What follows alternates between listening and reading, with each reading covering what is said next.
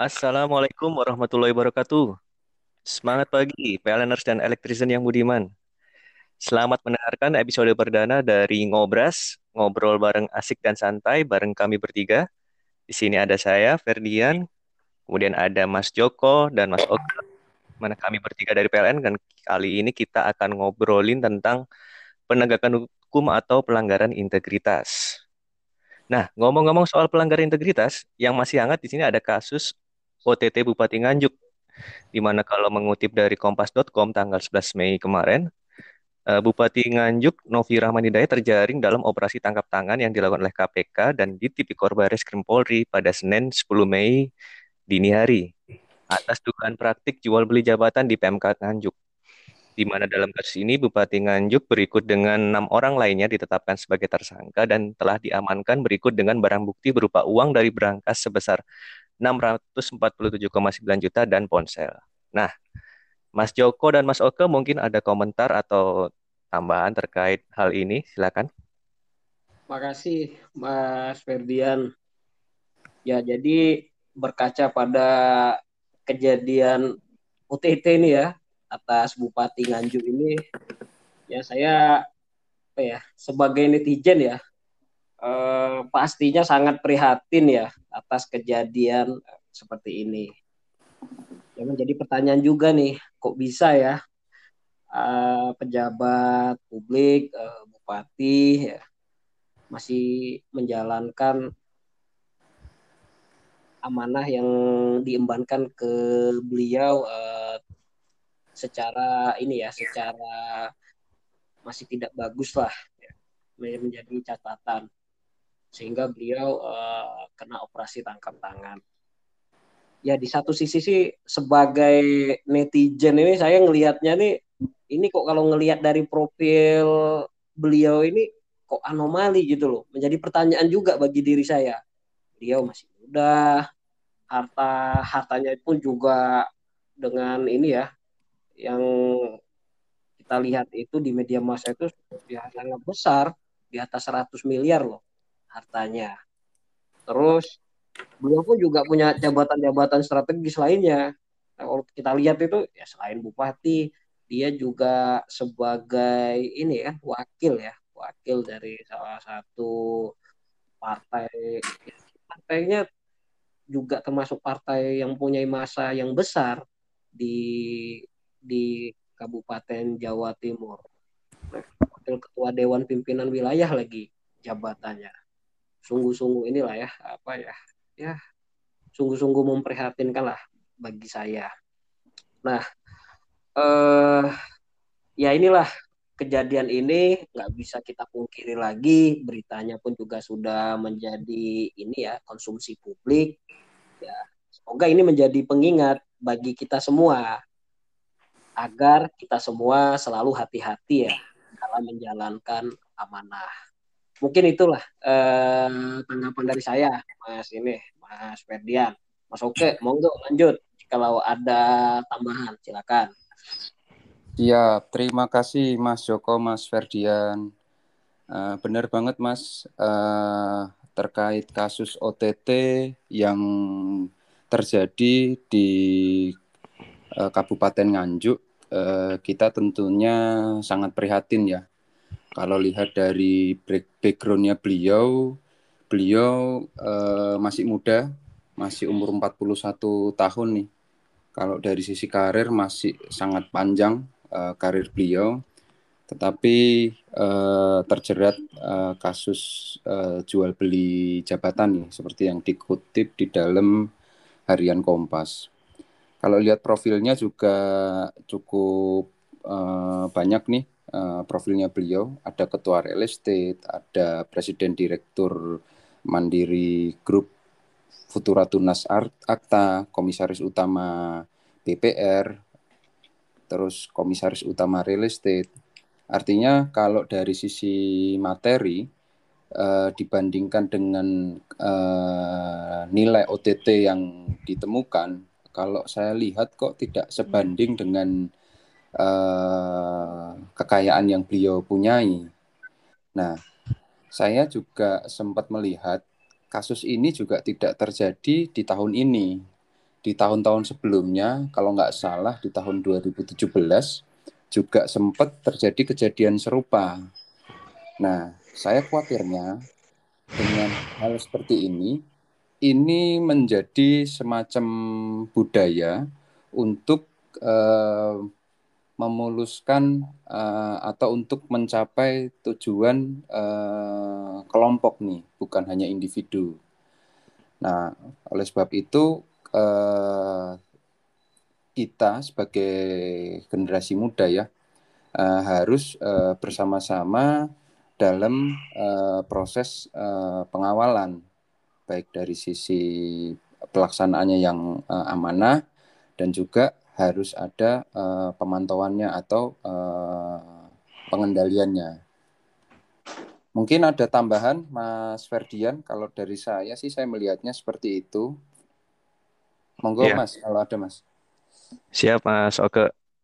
Uh, kalau dari saya mungkin nambahin aja Mas bahwa ironi sekali ya ketika di bulan Ramadan, di bulan suci yang di mana sebetulnya juga apa masih kental dengan nuansa ibadah ya, tapi ternyata uh, kejadian seperti ini masih saja terjadi ya, uh, terlepas dari jabatan beliau sebagai pejabat publik, kemudian juga uh, background beliau yang juga uh, cukup religius ya, itu tentunya ini hal seperti ini tentunya bisa jadi pelajaran buat kita semua bahwasanya uh, terlepas bagaimana bagusnya background dan profil seseorang, apabila uh, amanah ini belum menjadi suatu nilai yang dipertahankan sebagai karakter atau budaya, mungkin itu masih ada celah untuk terjadinya hal-hal pelanggaran uh, integritas ya. Nah, berkaca dari hal ini bahwasanya mungkin kita bisa uh, ini ya bisa kita uh, simpulkan bahwasanya inti permasalahannya ini ada pada masih belum dijadikannya sikap atau nilai amanah ini sebagai uh, nilai utama atau nilai inti dari uh, budaya baik itu budaya uh, organisasi ataupun dari karakter individu sebagai pejabat publik. Nah, uh, beruntungnya mungkin alhamdulillah uh, amanah ini sudah menjadi salah satu core values di PLN ya di perusahaan kita di mana uh, integritas, kemudian uh, ketulusan, konsisten serta dapat dipercaya ini menjadi kunci utamanya. Mungkin ini sih apa namanya uh, yang apa pendapat dari saya mungkin bahwasanya amanah ini adalah suatu nilai-nilai yang apa perlu kita jaga dan kita selalu kita implementasikan. Mungkin itu. Mungkin uh, Mas Joko dan Mas Oka mungkin ada tanggapan atau mungkin apa bisa melengkapi mungkin silakan. Ya jadi ini ya, ya kejadian di Nganjuk ini ya bisa jadi. Bisa jadi pun juga eh, terjadi juga. Peluangnya pasti ada lah. Terjadi juga di perusahaan kita ya. Pasti itu ininya apa uh, peluangnya. Pasti peluangnya tetap pasti ada. Nah uh, memang sih secara PLN Group uh, kita juga sudah punya nilai ya uh, amanah ya yang sudah dideklar oleh uh, direksi kita dan ya saya rasa sih harapannya saya sebagai insan PLN ya ya kita bisa menjalankan amanah perusahaan ini ya dengan baik sehingga kita uh, tidak mengalami lah kejadian seperti di di ini. Amin. Amin amin. Ya, pastinya kan itu ya. Karena mereka gini deh, resikonya cukup ini ya apa uh, saya kalau sampai kejadian ya personil yang bersangkutan ya pastinya beliau pastinya ya juga inilah bagian terpukul ya terpukul dan juga keluarganya keluarganya pasti jauh lebih terpukul lagi ya ininya sosialnya ini pasti uh, malunya ini nah ya semoga moga kita lah ya kita uh, ini semua uh, teman-teman di PLN Group uh, jangan sampai lah jangan sampai jangan sampai kejadiannya menimpa menimpa kita teman kita ya dan memang uh, nilai ini sudah baik tetapi di dalam perjalanannya ya tetap ternyata nilai ini tetap harus di dan juga harus dikontrol. Nah, kontrolnya gimana? Ya bisa kontrol eh, melalui satu sama lain, saling mengingatkan dari bawahan ke atasan, dan juga mungkin eh, sistem yang ada eh, kita jalankan dan dan kita saling keterbukaan lah pastinya. Kalau saling terbuka itu transparansi itu pastinya akan uh, mereduksi ya potensi-potensi uh, atas uh, fraud ya uh, seperti ini. Mungkin itu ya yang perlu menjadi catatan uh, bagi kita bersama. Ya semoga lah uh, kita ke depannya di PLN Group uh, tidak melihat di media lah ya teman-teman kita atau ini kita ya atau dari satu dari kita uh, terkena uh, OTT. Mungkin itu ya. Monggo Mas Oke lanjut. Ya, siap. Terima kasih Mas Joko. Sepakat Mas, benar sekali. Artinya uh, untuk mencapai semua itu uh, dari yang Mas Joko sampaikan tadi, yang saya garis bawah itu uh, pengendalian ya atau kontrol. Nah, eh, di mana kalau dari sisi pengendalian dan kontrol ini kita dari sisi PLN kebetulan kalau kita merujuk kepada uh, aturan perusahaan kebetulan di PLN Group ini juga ada namanya SMAP Mas Joko atau Mas Ferdian yaitu Sistem Manajemen Anti Penyuapan di mana SMAP ini sudah uh, mengantongi SNI dan ISO tahun 2016 uh, di mana insan PLN ini harus menerapkan 4 no. 4 no ini isinya no beri atau menolak atau hindari suap menyuap dan pemerasan. Yang kedua no kickback, menolak atau hindari komisi, tanda terima tanda terima kasih dalam bentuk uang uh, dan dalam bentuk yang lain serta no give, uh, menolak pemberian, serta no luxury hospitality, uh, menolak penyambutan. Nah, tentunya uh, selain uh, Fornos atau empat nos tadi di dalam bekerja, uh, kita juga harus melakukan konsultasi nih, konsultasi jika tidak yakin atau terdapat eh, pertanyaan tentang penyuapan atau SMAP, eh, kita harus berkonsultasi. Kita bisa berkonsultasi dengan eh, unit pengendali gratifikasi atau fungsi kepatuhan anti penyuapan. Selain itu, eh, kita juga harus laporkan ketika ada kejadian seperti itu. Dan yang terakhir, kita harus mengikuti pelatihan dan sosialisasi terkait SMAP tersebut. Nah, dengan adanya hal uh, itu dari sisi uh, apa namanya kontrolnya tadi juga dijaga sehingga meminimalkan potensi uh, terjadinya penyelewengan atau penyalahgunaan uh, jabatan.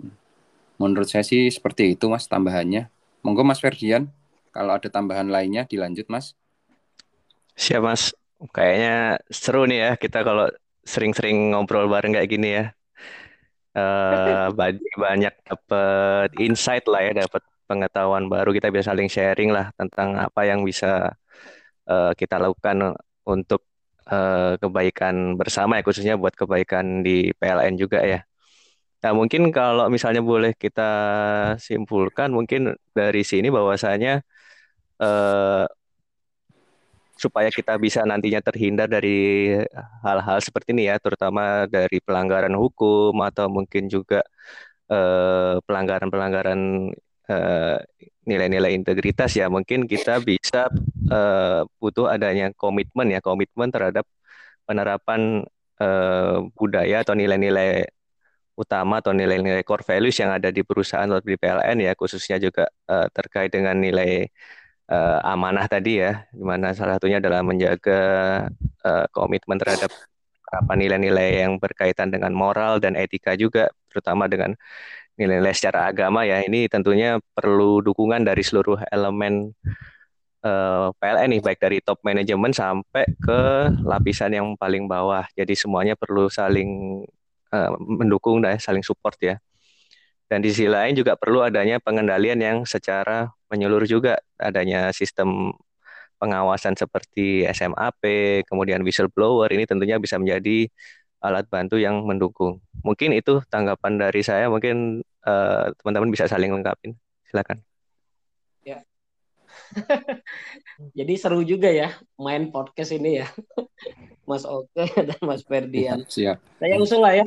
Uh, mungkin ini Mas Oke ya kita uh, podcast ini kita bikin aja uh, seri-seri berikutnya ya sebagai media kita ya untuk membagikan uh, ilmu ilmu yang bermanfaat lah ya pasti. Benar-benar Mas. Dan juga ini Mas apa ya mungkin dari podcast kita bisa memberikan nilai tambah bagi bagi perusahaan ya uh, di mana uh, sebagai media kita untuk mengingatkan supaya kita diri pribadi dulu ya uh, secara personil dan juga teman-teman yang kita sayangi lah ya teman-teman di sekitar kita uh, dan pada akhirnya di perusahaan kita ya teman-teman di seluruhan ya. Jangan sampai uh, apa ya melakukan kesalahan yang berhubungan dengan tindak pidana yang seperti di Bupati Nganjuk ya mungkin itu ya Mas. Uh, kita inikan lagi aja. Mungkin di satu waktu uh, kita bikin episode yang lebih menarik lah ya pastinya. Uh, dan teman-teman yang lain uh, bisa ini bisa interest uh, bisa tertarik untuk apa mendengar ya mendengar dari podcast yang uh, kita bikin. Mungkin itu ya Mas ini ya. Uh, mungkin sedikit saya boleh berpantun ya. Uh, sebelum ini ya sebelum podcast ini uh, kita akhiri ya. Pergi memancing di Sungai Sula. Nilai dipancing di hari senja. Cakep. Salam cakep. undur dari Joko Oke dan Ferdian bertiga. Untuk teman-teman netizen semuanya. Cakep, cakep. untuk dilanjut mas Mas. Oke. Siap, siap, siap. Ada closing statementnya, monggo lanjut. Baik, uh, terima kasih uh, rekan-rekan uh, sekalian. Mungkin uh, kita cukupkan dulu lah podcast kita di seri pertama ini. Harapannya uh, ke depan akan ada seri-seri selanjutnya. Mungkin bisa ditunggu rekan-rekan sekalian. Dan ada sedikit eh, kalau Mas Joko tadi berpantun, kalau ini ada sedikit eh, yang disampaikan dari Bang Obras nih, karena kita tadi eh, ngobras ya, bahasanya ngobras. Namanya Bang Obras ya. Ada Mas ada ada ya. kesimpulan dari Bang Obras nih. Siap Mas, mainkan. Kejahatan itu bukan karena ada niat dari pelakunya, tapi juga ada kesempatan. Amanahlah amanahlah, amanahlah. Sekian rekan-rekan sekalian, terima kasih. Bila taufik walidaya, wassalamualaikum warahmatullahi wabarakatuh. Waalaikumsalam warahmatullahi wabarakatuh.